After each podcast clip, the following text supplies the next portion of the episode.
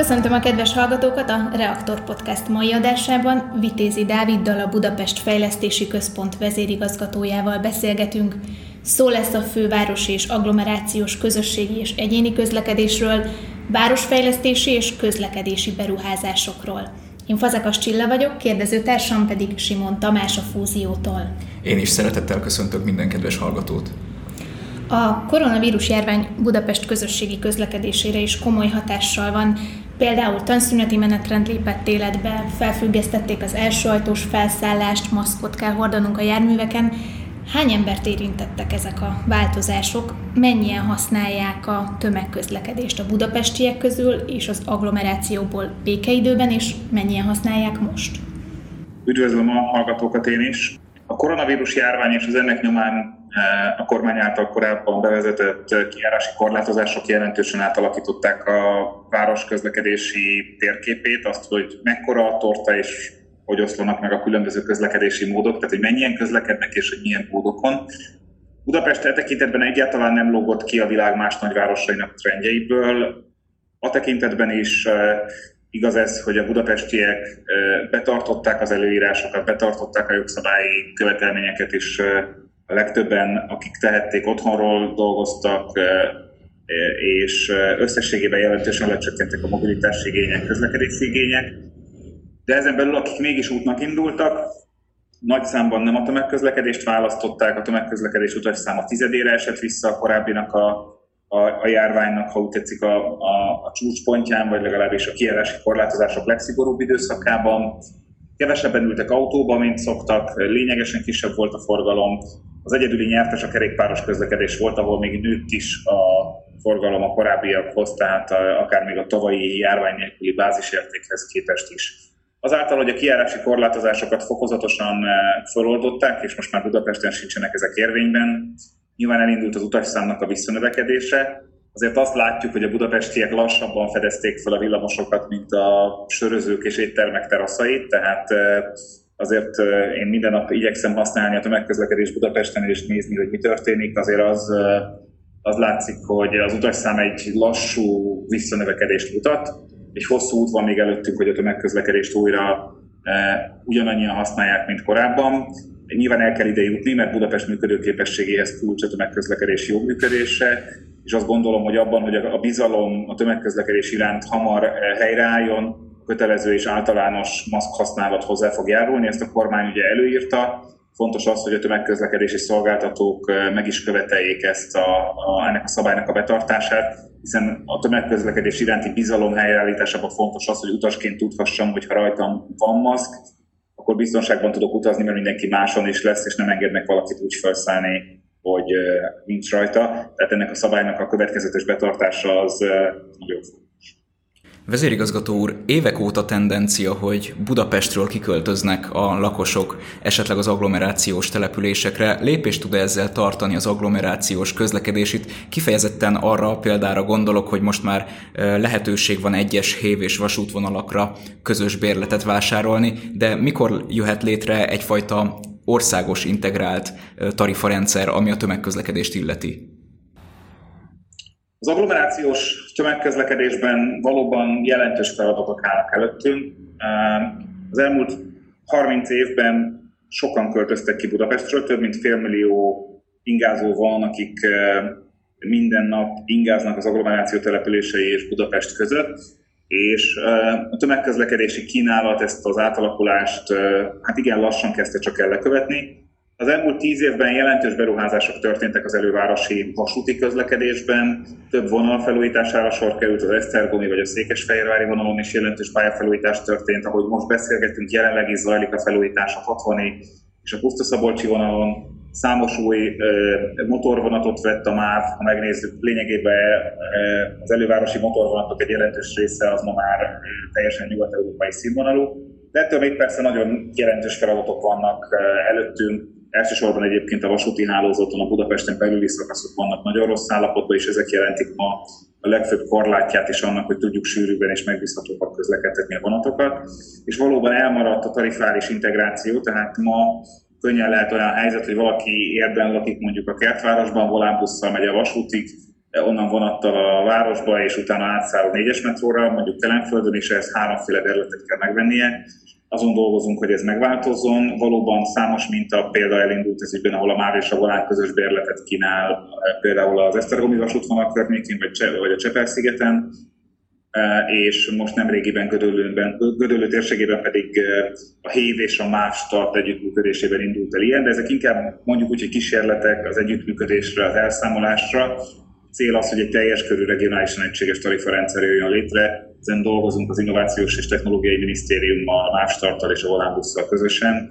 Nyilván ugye azért nehéz a kérdés, vagy azért tart ez sokáig, mert, mert akkor van egy ilyennek értelme, hogyha ha ezzel versenyképesebbé is tesszük a tömegközlekedést, és nyilván ez egy nagy levegőt kell venni, hogy adott esetben azt mondjuk, hogy ami ma 5 e, forintba, meg 5 forintba kerül aznak az új ára, hogyha valaki egységes bérletet vesz, ne 10 forint legyen, mert akkor lehet, azoknak is 10 forintot kéne fizetni, akik ma 5 fizetnek, e, és ezt mindenképpen el szeretnénk kerülni. Tehát nyilván az utasok javára kell ezt az integrációt végrehajtani, ez viszont szolgáltatók részéről egy olyan agályal jár, hogy esetleg az értékes jegybevételeik kiesnek, ami a működéshez szükséges de miatt kell fokozatosan haladni, hogy ebben mind a, a gazdálkodási biztonságát, működés biztonságát a tömegközlekedésnek föntartsuk, de mind ugyanakkor az utasok járjanak jól ennek az integrációnak a végeredményeként.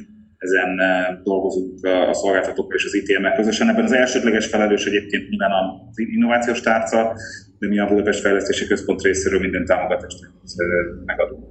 Ha már említette a versenyképességet, illetve itt szóba került a jegyrendszer is, mikor jöhet el az az idő Budapesten, amikor lesz elektronikus jegyrendszer? Egyébként ez nem csak a rendszeresen közösségi közlekedőknek lenne jó hír, hanem nyilván a turistáknak is, vagy a tömegközlekedés alkalmi használóinak. Mikor lesz az, hogy utazhatunk bankkártyával, vagy akár mondjuk e-személyvel lesznek kártyaolvasó terminálok a járműveken? Amikor én a BKK vezérigazgatója voltam 2010 és 2014 között, nagyon jelentős munkát tettünk abba, hogy az elektronikus jegyrendszer projektjét elindítsuk. A példa, ami a szemünk előtt lebegett, az alapvetően akkoriban London volt, ahol még akkor nem csinálták meg azt, ami azóta hibátlanul működik, és óriási sikernek örvend, és azóta számos városban a világon megcsinálták hogy nem csak chipkártyás rendszer működik, hanem valóban egy bankkártyával, érintésmentes bankkártyával, de akár egyébként a telefonokkal lévő Google, Apple, stb. fizetési rendszerekkel, ami nyilván egy bankkártyát testesít meg, csak mégis azt se kell elővenni, hanem elég a telefonnal, okosórával e, ugye oda, oda tartani, és akkor e, ezzel lehet jegyet érvényesíteni. Ez a rendszer működik. Ennek a technológiai alapjait teljes körülön megterveztük, kitaláltuk, és lefolytattunk egy nemzetközi beszerzést, aminek az eredményeként egy elég jelentős tapasztalattal bíró német-hongkongi konzorcium nyerte ezt el.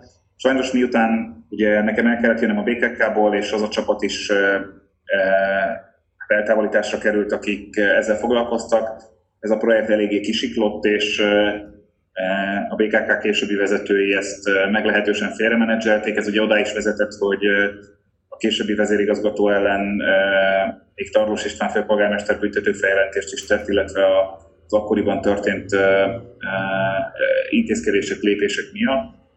Tehát ez a projekt sajnos kudarcba fulladt, ezt őszintén ki kell mondani, ezt nekem fáj a legjobban, mert nagyon sok évi munkánk volt benne, hogy ezzel indulhasson. Tehát innen kell most újraépülni. Az elmúlt egy évben történtek lépések, hogy a Nemzeti Mobilfizetési ZRT-nek a mobiljegyes rendszerét lehessen használni, ezzel is indult, és ezt akik mobilapon keresztül szeretnének vásárolni BKK termékeket, ezt már elérik. A Volánbusz is most pont a járvány kapcsán a saját jegyrendszerét részben átültette ilyen mobil alapra, de a teljes értékű megoldáshoz valóban egy jelentős beruházásra van szükség. Én nagyon bízom benne, hogy a BKK ezt előbb-utóbb megcsinálja, azért vannak kételjeim látva az ott zajló folyamatokat, vezetőváltásokat, válságokat, hogy erre mikor és hogyan kerülhet sor, de de Budapest nagyon megérdemelne már egy 21. századi eh, jegyérvényesítési jegyellenőrzési rendszert, mert valóban a 60-as évek technológiai szintjén vagyunk. Akkor ez elsősorban nem forrás, nem pénzkérdés? Nem, ez egyáltalán nem forrás kérdés, ez menedzsment és, eh, és eh, nyilván hogy van beruházási forrásigénye, de azt mutattuk ki korábban a Rigó kapcsán is, hogy ez a beruházás ez üzleti alapon, tehát nem csak elvontan társadalmilag a környezetvédelmi externáliák és egyebek miatt, hanem ténylegesen üzletileg egy megtérülő beruházás, amit érdemes megcsinálni néhány év alatt visszahozna az árát. Itt inkább arról van szó, hogy egy, egy nagyon komplex átalakítás informatikai és átfogó beruházás. Ez alatt azt értem, hogy és sokan ilyenkor azt mondják, hogy hát ezt jó, csak egy appot kell csinálni, meg valami jó informatikai rendszert.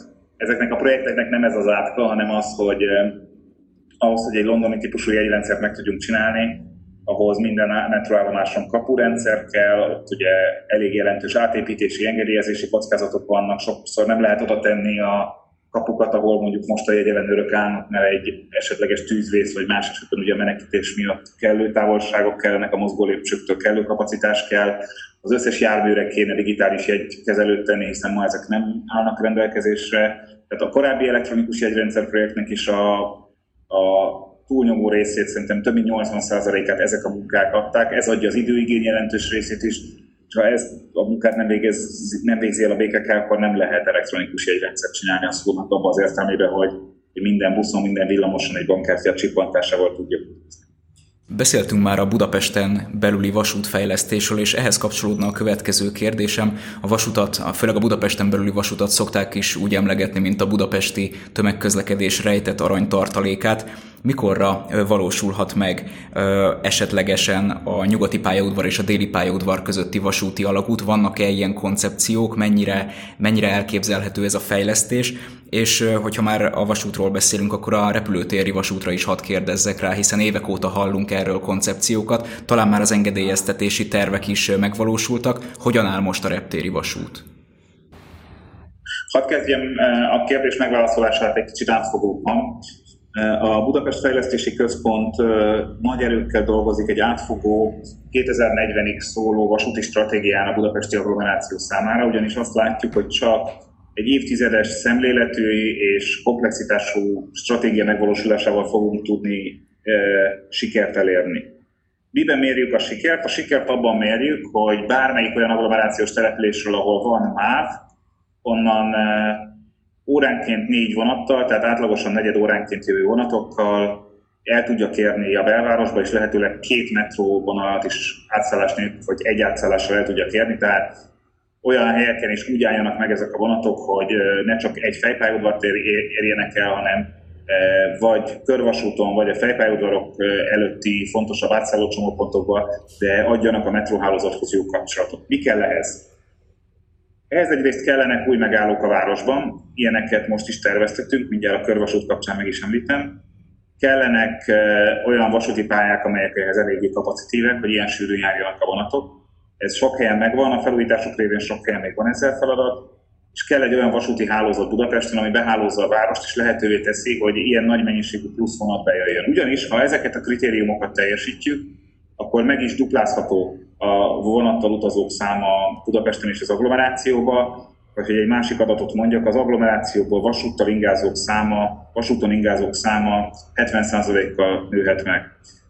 Ez jelentősen hozzájárulhat ahhoz, hogy Budapesten jobb legyen a levegő, hozzájáruljunk a klímavédelmi célok teljesüléséhez, és többen tömegközlekedjenek. Minden projektünk ennek a stratégiának a megvalósulását szolgálja.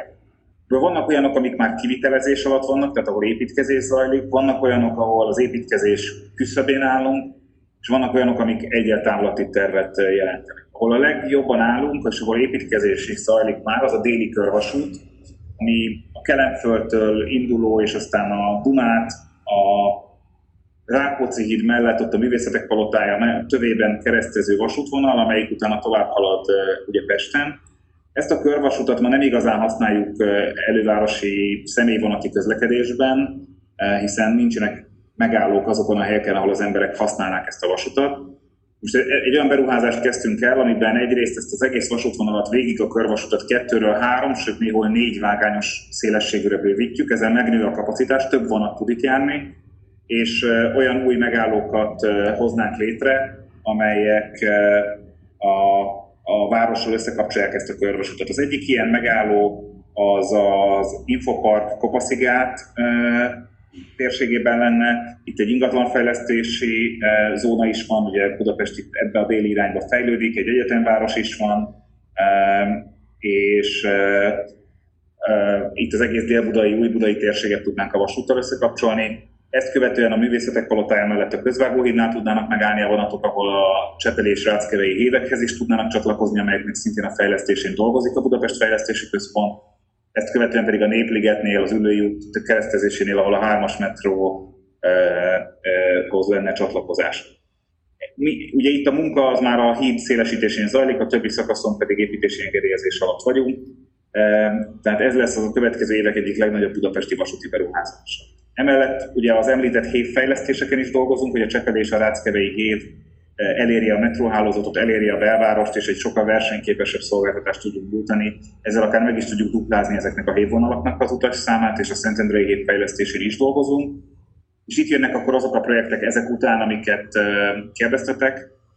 Az egyik ilyen a repülőtér vasúti kiszolgálása, ezen az elmúlt héten is jelentős tárgyalásokban voltunk a budapesti repülőtér tulajdonosaival, hogy biztosítsuk azt, hogy megengedjék, hogy a vasút át tudjon haladni a repülőtéren. Ugye sajnálatosan tíz évvel ez, több mint tíz évvel ezelőtt az akkori kormány privatizálta a budapesti repülőteret, eladták az aranytojást tyúkot, hogyha úgy tetszik, e, látva azt, hogy a repülés milyen növekedésen ment át azóta, és jelenleg e, abban egy megállapodást kell kötnünk a repülőtér külföldi tulajdonosaival, hogy egyébként átengedjék a vasutat a területükön, ez lehet, hogy triviálisnak tűnik elsőre, de mégis onnan indultunk, hogy bérleti díjat szerettek volna kérni négyzetméter alapon a vasút minden egyes négyzetméterre után.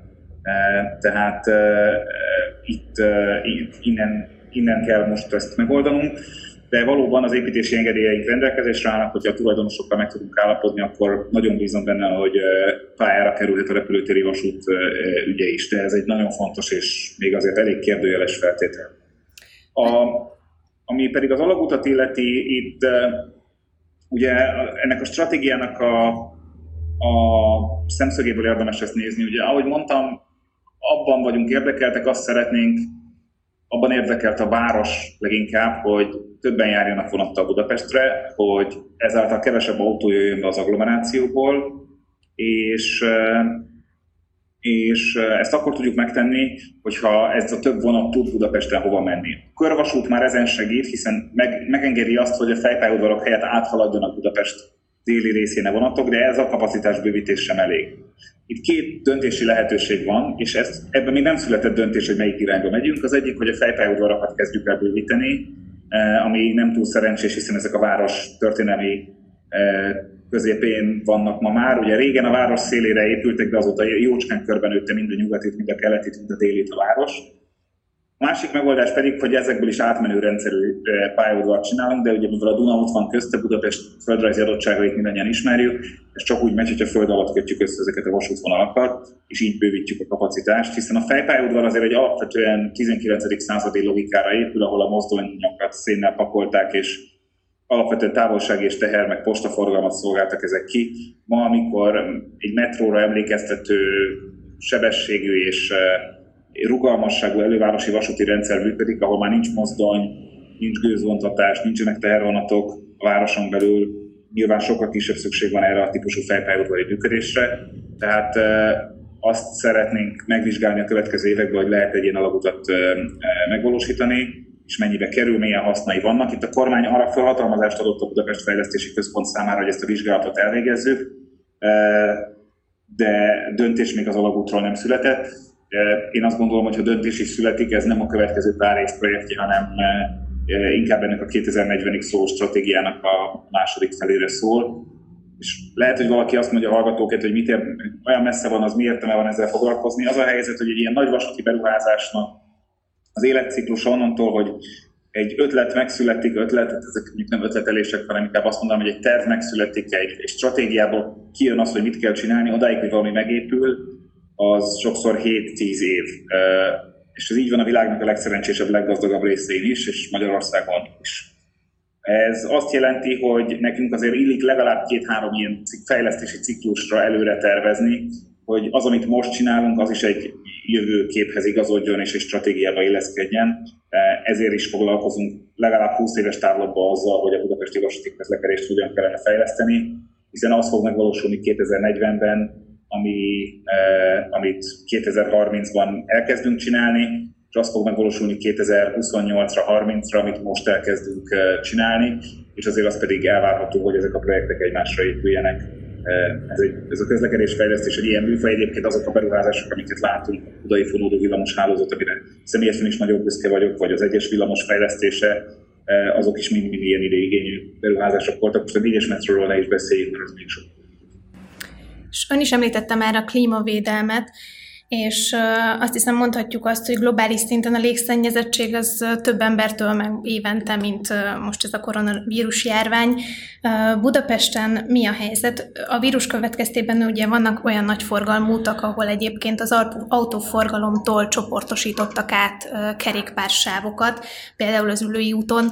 Ez az önvéleménye szerint megmaradhatna a jövőben, vagy egy jó irány, esetleg az, hogy a rakpartok autómentesek legyenek, vagy a Városliget teljesen autómentes legyen. Mi a véleménye önnek erről?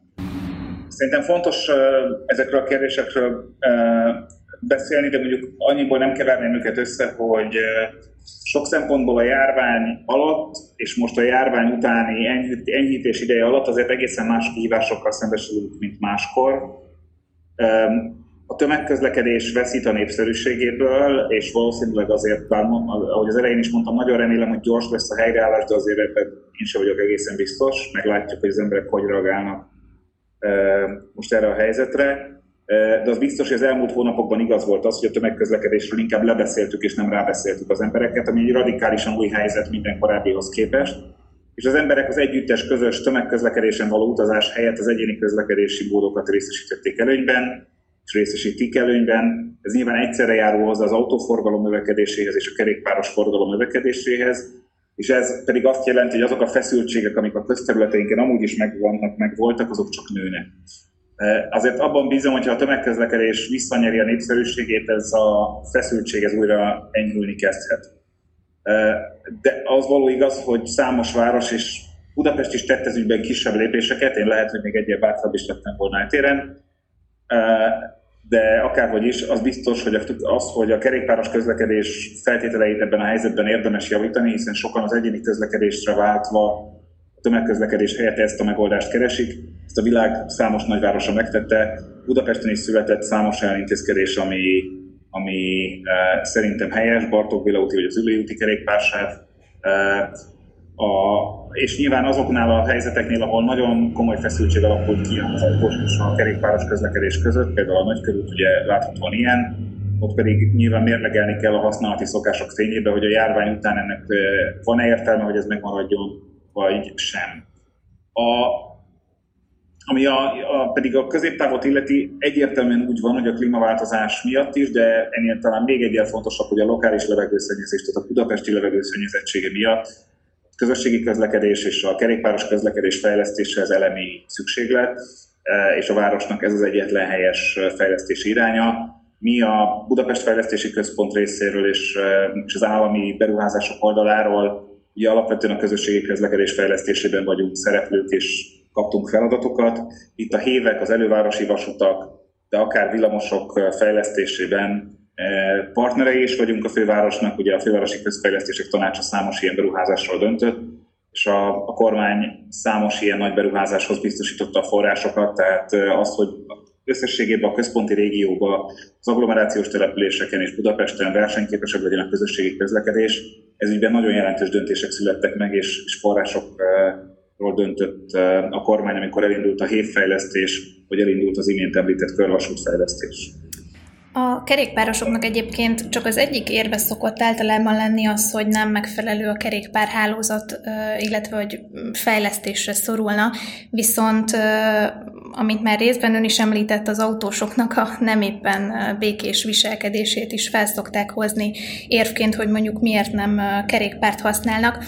Ön szerint esetleg a KRESZ felülvizsgálatára lehetne ez esetben szükség, vagy egy olyan szemléletformáló kampányra, amivel el lehetne érni azt, hogy a kerékpárosokat ne egy kisebbségként kezeljék, és ne egy szubkultúraként, hiszen azért talán már kezd a mainstream részévé válni. Ugye egyrésztről gyakran esünk az általánosítás hibájába, és először is azt szeretném elmondani, hogy szerintem ez nem helyes Budapesten és a legtöbb nagyvárosában a világban nincsenek autósok, kerékpárosok és tömegközlekedők. Vannak persze, akik egy módot használnak mindig, én nem mondom, hogy nincsenek. De azért azok, akiket biciklin látunk, és éppen autót vezetőként, kerékpárosként beszélnek róluk sokan, azok lehet, hogy egyik nap kerékpároznak, másik nap már a saját autójukba ülnek, és ugyanúgy ők is ott ülnek a dugóban, mint mások. Azok, akik tömegközlekednek, lehet, hogy néha, amikor az élet úgy hozza, akkor autóba ülnek, vagy biciklire pattannak. Ahogy a szokásokat látjuk, azért azt lehet látni, hogy az emberek jelentős része, nagyobbik része váltogatja a közlekedési szokásait és, és módjait.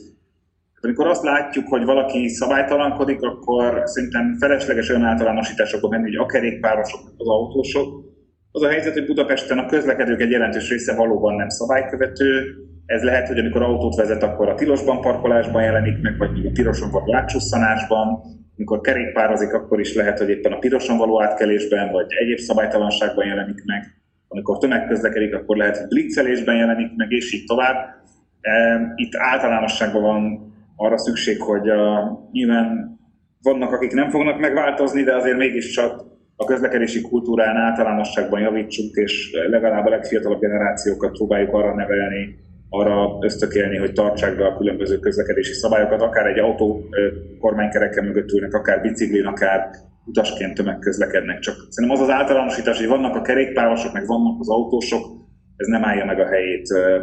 Ami pedig a Kreszt illeti, valóban úgy van, hogy a Kressz felülvizsgálata időszerű. Németországban éppen pár hete fogadták el, vagy lépett hatályba az új Kressz, ami számos kerékpáros fejlesztésre adott lehetőséget, kerékpárosok előzésének szabályait autóval megváltoztatta, hogy biztonságosabban két méter, lakóterületen másfél, azon kívül két méteres távolságot tartva lehessen csak előzni kerékpárost, és számos egyéb szabályozást is behozott, amik szerintem előremutatóak, és érdemes ezeket átemelni. Révész Máriusz kormánybiztos vezetésével zajlik a Magyar Kressz felülvizsgálata, és szerintem ugyanezeket az irányokat keresik. Én bízom benne, hogy mi hamarabb sikerül ebben a, a egyetértésre jutni a különböző szakmai szervezetek, minisztériumok között, és, és megalkotni a 21. századi kreszt. Ebben mi a budapesti agglomerációs tapasztalatokkal mindenben segítjük Révész Máriusz kormánybiztos urat. Vezérigazgató úr, évek óta napirenden van a Lánchíd fejlesztése, viszont ebből szabad szemmel gyakorlatilag még semmi nem valósult meg. Felröppent esetleg az az ötlet is, hogy akár gyalogos híddá is lehetne alakítani a Lánchidat. Erről szeretném kérdezni, illetve ezután szeretném feltenni azt a kicsit talán személyesebb kérdést, hogy ön melyik budapesti fejlesztéseket gondolja a legfontosabbnak itt az elkövetkezendő 5-10 éven belül? A Lánchíd felújítása az kétségtelenül időszerű.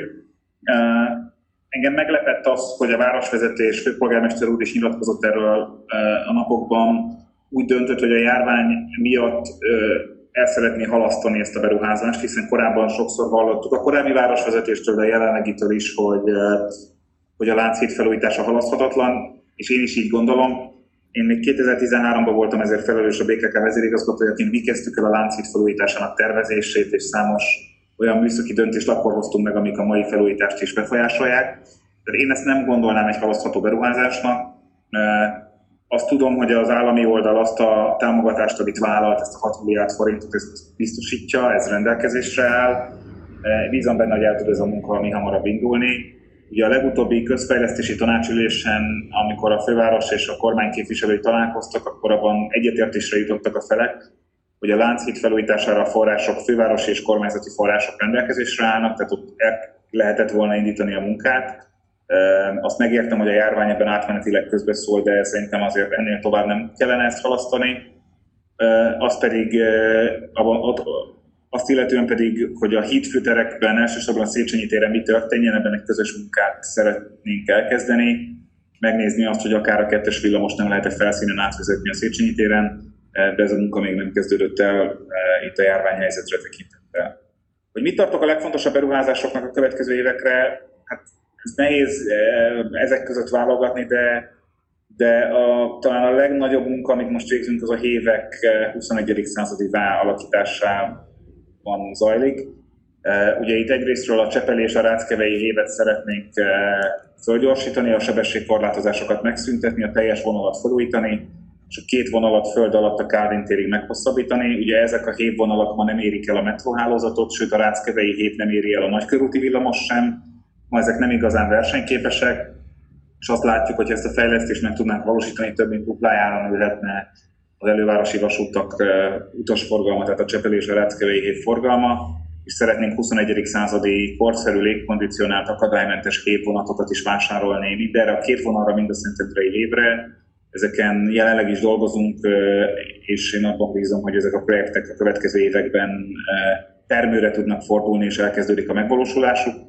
De nyilván a repülőtéri vasút a déli körvasút ezek mind-mind nagyon közel állnak hozzám, és, és rengeteget dolgozunk rajta a kollégáimmal az pedig, hogy a főváros szintén ezekben az ügyekben saját területén tud előre haladni, ezt én nagyon, nagyon remélem, nagyon szeretném látni, nagyon drukkolok ebben a BKK-nak, eh, hogy akár a Bajcsi Instituti villamos fejlesztése, vagy akár az előző kérdésekben tárgyalt elektronikus jegyrendszer mi hamarabb megvalósuljon. De az én feladatom most nem erre terjed ki elsődlegesen, hanem arra, hogy, hogy az elővárosi vasutak és a hévek 21. századi tételét versenyképesebb tételét, felújítását, meghosszabbítását megvalósítsuk, e, és a következő tíz évben ebben mindenképpen szeretnénk látható eredményeket elérni, új hévvonatokat, és az előbb említettek szerint fejlesztett, meghosszabbított hév e, szolgáltatást. Ahogy említette, például a láncít felújításának időszerűségében van akkor némi ellentmondás főpolgármester úr és, és önök között. Egyébként az elmúlt hónapok tapasztalatai alapján eredményesen tud együttműködni a főváros főpolgármester úr, illetve a kormány, az állam? A, a politika természetéből fakadóan egy ilyen szituációban, mint ami az október 13-i választások után kialakult, nyilvánvalóan mindig vannak viták, és az is természetes, hogy ezek a viták mindig a, a nyilvánosság figyelmének középpontjában vannak, még akkor is, ha sokszor nagyon sok olyan kérdésben nincs vita, amik lényegesen nagyobbak annál, mint amikben vita van, de ezek éppen ezért nem kapnak akkor a figyelmet. Tehát a, a helyzet az az, hogy, hogy például a déli körvasút fejlesztésében, például a, a Galvani híd fejlesztésében, például a kapcsolódó úthálózatokban, például a repülőtéri gyorsforgalmi út fejlesztésében, például a HÉV fejlesztésekben sikerült egyetértésre jutni a közfejlesztések tanácsán a főváros és a kormány között, és ezek az állami nagy projektek Budapesten meg elnyerték a főváros vezetésének is az egyetértését, tehát én azt remélem, hogy sikerül ezek mentén tovább menni. Budapest fejlesztése, építése természetesen a fővárosnak is és a kormánynak is feladata. Szerintem az egy természetes dolog. Nyilván most a politikai helyzet miatt ez egy meglepőbb, szokatlanabb, nagyobb figyelmet érdemlő helyzet, tehát azért mindig is úgy volt, hogy az, az állam és a kormányzat szerepet vállalt Budapest fejlesztésében, a hidak, a metróhálózat, Budapest nagy infrastruktúrája, egyáltalán a történelmi belvárosunk szerkezete az Andrássy úttal és a körúttal így alakult ki a korábbi évszázadokban, évtizedekben. Ennek a munkának és együttműködésnek a megtestesítője most a Fővárosi Közfejlesztések Tanácsa, amelyben Karácsony Gergely főpolgármester és Gulyás Gergely miniszter úr vezetésével továbbra is van együttműködés. És a mi feladatunk az, hogy a kormányzati oldalról előkészítsük az oda kerülő fejlesztéseket, és aztán persze végre is hajtsuk ezeket. Ebben nekem pozitívak a tapasztalataim a közlekedési városfejlesztési területen, amellett, hogy persze azért számos vitánk van, és ahol dönteni kell, hogy mire jut forrás, mi van előbb, milyen sorrendben valósítunk meg projekteket, mindig lesznek is ilyen viták, de azért összességében azt gondolom, hogy, hogy ez az együttműködés elindult, és ahogy mondtam, számos beruházás esetében Galvani hittól a hévekig sikerre tudott vezetni. Vagy akár a Lánchíd esetében, ahol sikerült kialakítani az új finanszírozási konstrukciót még februárban. Köszönjük szépen vezérigazgató úrnak, hogy válaszolt a kérdéseinkre, további eredményes munkát kívánunk. Örömmel. Nektek pedig köszönjük azt, hogy meghallgattatok, kövessetek minket továbbra is Spotify-on és Apple Podcast-en, nézzétek a react.hu-t, illetve a Reaktor Facebook oldalát. Köszönöm szépen én is a figyelmet, sziasztok! Köszönöm, minden jót, szervusztok! Minden jót!